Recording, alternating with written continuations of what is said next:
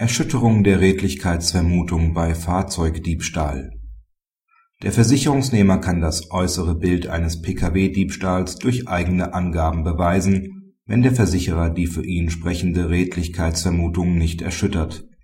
Er ist aber nicht glaubwürdig, wenn er ohne nachvollziehbare Erklärung relevante Umstände verschweigt und falsch darstellt der Kläger nimmt den Vollkaskoversicherer auf Zahlung von Entschädigung aufgrund eines behaupteten Diebstahls des versicherten Fahrzeugs in Polen in Anspruch.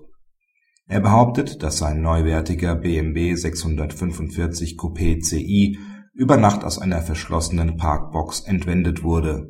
Zeugen stehen nicht zur Verfügung.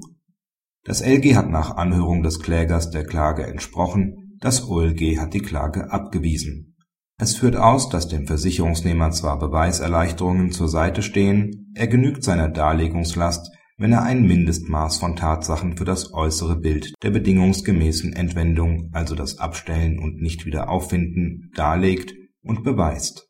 Stehen ihm hierfür keine Zeugen zur Verfügung, kann im Rahmen der freien Beweiswürdigung nach § 286 ZPO auch die Darstellung des nach § 141 ZPO persönlich angehörten Versicherungsnehmers als glaubhaft betrachtet werden. Dies setzt aber unabdingbar die Glaubwürdigkeit bzw. die Redlichkeit des Versicherungsnehmers voraus. Hier sah das OLG die Sache anders als das LG. Der Kläger hat den nachträglichen Einbau einer sogenannten Zündungssperre in der Schadensanzeige nicht angegeben. Ohne die Chipkarte konnte der Pkw also nicht gefahren werden. Die Nichtangabe dieser Zusatzsicherung stellt einen für die Aufklärung und Prüfung des Schadensfalls relevanten Umstand dar. Des Weiteren hat der Kläger den Diebstahl bei der deutschen Polizei nicht angezeigt und die Beklagte hierüber falsch informiert.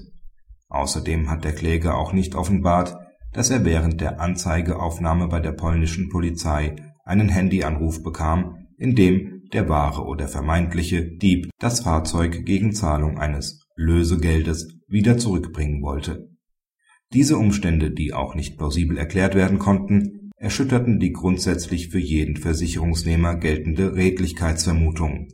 Dem Kläger ist daher schon der Beweis für das äußere Bild einer bedingungsgemäßen Entwendung nicht gelungen. Praxishinweis Der BGH hat für eine Diebstahlsversicherung ein sogenanntes Zwei-Stufen-System oder besser drei Stufen entwickelt. Hieran hat sich durch das neue VVG nichts geändert auf der ersten Stufe muss der Versicherungsnehmer den Vollbeweis für das äußere Bild darlegen und gegebenenfalls beweisen. Dies kann er, wenn keine Zeugen zur Verfügung stehen, auch durch eigene Angaben. Die Beweisführung setzt dann aber die uneingeschränkte Glaubwürdigkeit voraus. Entscheidend ist nicht, auch dies wird aus den Entscheidungsgründen deutlich, ob sich der Kläger in Widersprüche etc. verwickelt, sondern welchen persönlichen Eindruck er macht und wie er die problematischen Fragen beantwortet. Vorliegend konnte der Kläger das OLG nicht überzeugen.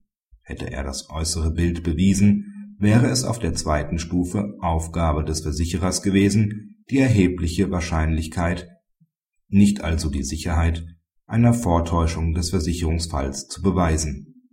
Gelingt dies, müsste wiederum der Versicherungsnehmer auf der dritten Stufe den Vollbeweis für den Diebstahl ohne Beweiserleichterungen führen, was regelmäßig nicht möglich ist